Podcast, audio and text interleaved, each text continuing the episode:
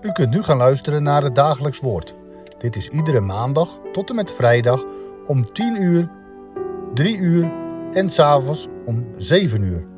Deze meditatie wordt verzorgd door dominee Alblas.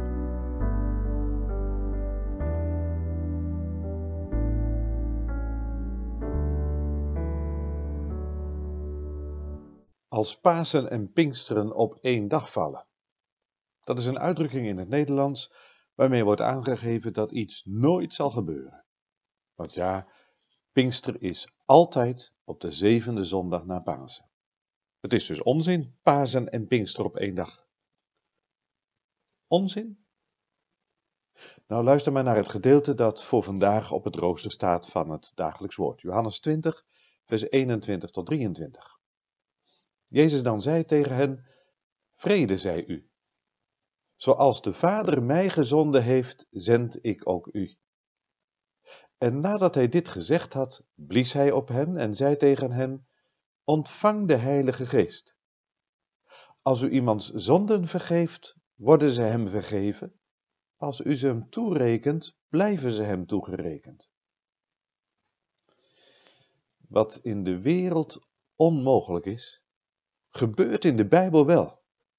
Pasen en Pinksteren op één dag. Mooier kan het niet.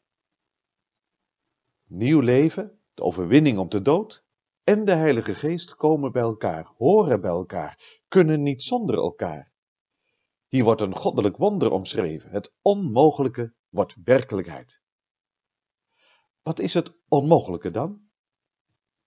Nou, wat is het eerste dat Jezus zegt tegen zijn leerlingen? Vrede, zei u. Hoe is dat toch mogelijk?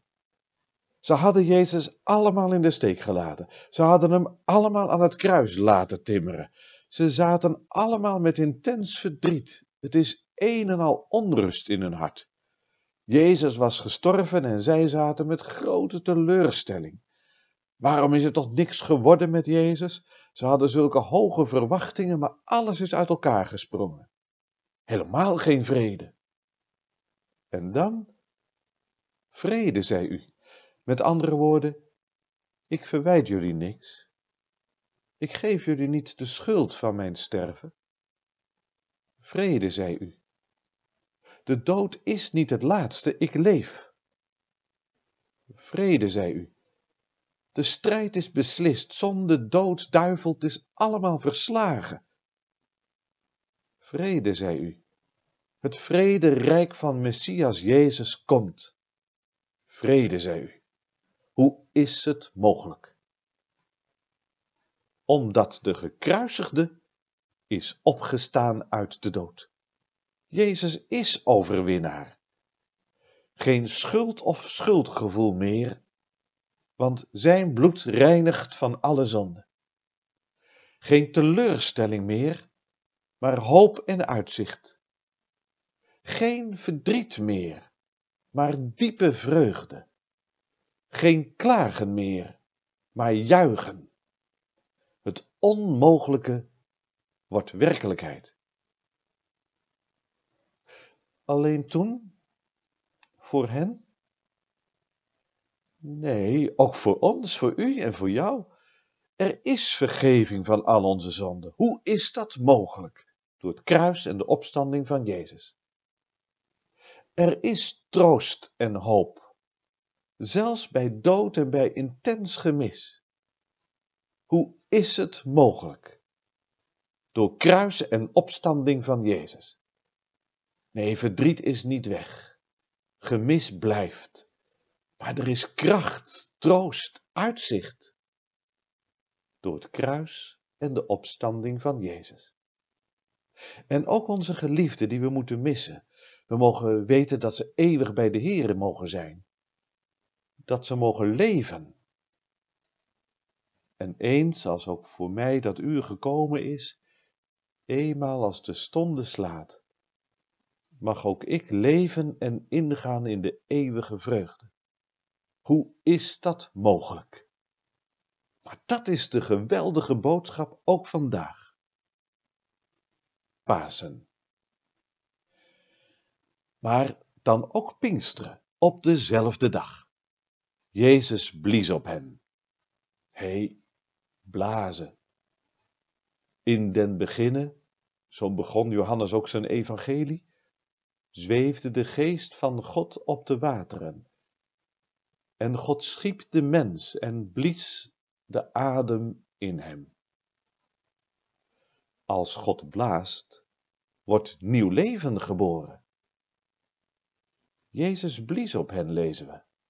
Ontvang de Heilige Geest. De onmogelijke boodschap van kruis en opstanding wordt bij ons naar binnen geblazen, ons hart ingeblazen. Jezus Christus is gestorven, is verrezen, ook voor mij. Ja, hoe kan anders die onmogelijke boodschap echt wat doen met ons, alleen als de Geest het naar binnen brengt? En daar zorgt God voor. Vrede, de Heilige Geest. Gebeurt dat ook bij mij dan? Misschien vraagt u zich dat af. Zit je daarop te wachten? Maar ja, natuurlijk gebeurt dat. Ook vandaag gebeurt het nu. Nu u hiernaar luistert. Het gebeurt door dit woord, door zoveel andere woorden van God, in de Bijbel, in dagboekjes, bij liederen en gedichten. De geest blaast en raakt ons aan. Dat is nooit de vraag. Daar zorgt God voor. De vraag is wel, nemen wij het aan, pakken we het aan? Ontvangt, zei Jezus. Hij geeft. Pak het nu aan, vraagt hij. Pak het woord vrede vast. En de geest blaast en het onmogelijke wordt werkelijkheid. En zo worden de discipelen dan gezonden. Worden ook wij gezonden. Pasen en Pinkster op één dag, jazeker, uitgezonden. Met een onmogelijke boodschap, die helemaal werkelijkheid wordt en is.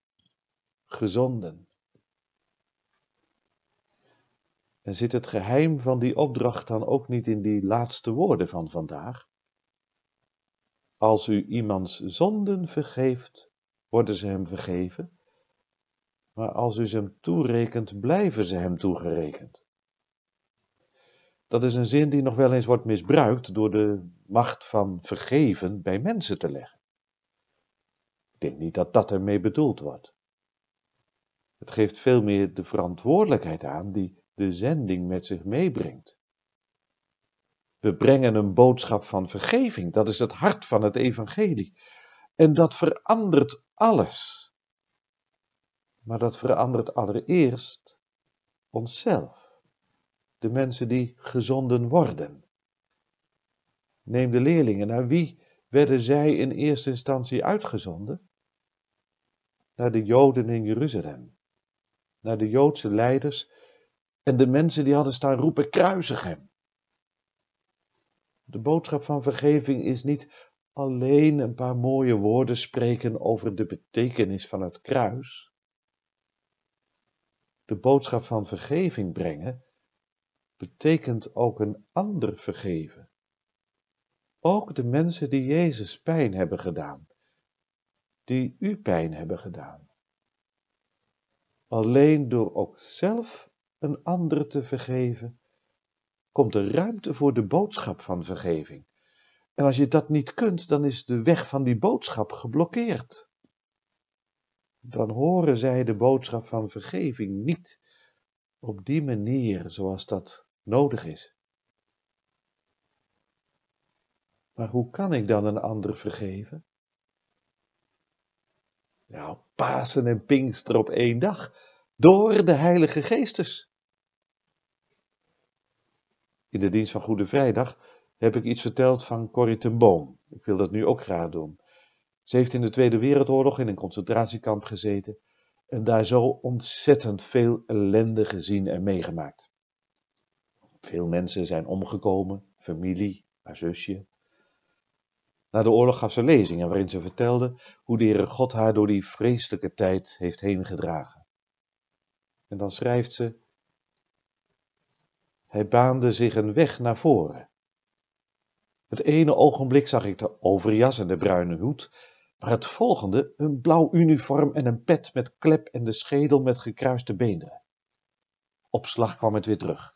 Die enorme ruimte met de schelle lampen, de schaamte naakt langs deze man te moeten lopen. En nu stond hij met uitgestoken hand voor me. Een fijne toespraak, juffrouw. Hij herkende mij niet, maar ik kende hem wel met zijn leren zweep die altijd aan zijn gordel hing. U noemde Ravensbrück in uw toespraak, zei hij. Ik ben daar bewaker geweest, maar na die tijd ben ik christen geworden. Ik weet dat God me al die wreedheden vergeven heeft, maar zou ik ook graag uit uw mond willen horen. Weer werd de hand uitgestoken. Wilt u me vergeven? Daar stond ik dan. Ik wier zonden ook steeds opnieuw vergeven moesten worden. En ik kon hem niet vergeven. Betsy was daar gestorven. Ik worstelde met het moeilijkste wat ik ooit had moeten doen. Maar ik wist ook dat vergeving geen emotie is. Vergeving is een wilsdaad en de wil kan functioneren ongeacht de temperatuur van het hart. Jezus, help, bad ik in stilte. Ik krijg mijn hand nog wel omhoog, zorgt u voor de liefde. Zo legde ik houterig, mechanisch mijn hand in de hand die naar me uitgestoken was. En toen ik dat deed, gebeurde er iets ongelooflijks. De stroom begon in mijn schouder, schoot door in mijn arm en sprong over op onze in elkaar gelegde handen. Toen leek deze genezende warmte mijn hele wezen te vervullen, waardoor de tranen in mijn ogen sprongen. Ik vergeef u, broeder, van ganser harte. Ik had Gods liefde nog nooit zo intensief ervaren als op dat ogenblik. En tegelijkertijd besefte ik dat het niet mijn liefde was. Ik had het wel geprobeerd, maar er de kracht niet toe gehad. Het was de kracht van de Heilige Geest. Laten wij bidden. Heere God, we danken u voor dat onmogelijke dat werkelijkheid wordt door het wonder van kruis en opstanding, door uw Heilige Geest. En ook vandaag geeft u ons uw woord, blaast u met uw geest. Hebt u ook ons er weer op uitgezonden. Maar help ons, Heere. We kunnen het niet alleen. Help ons om dat woord, om die vrede aan te pakken.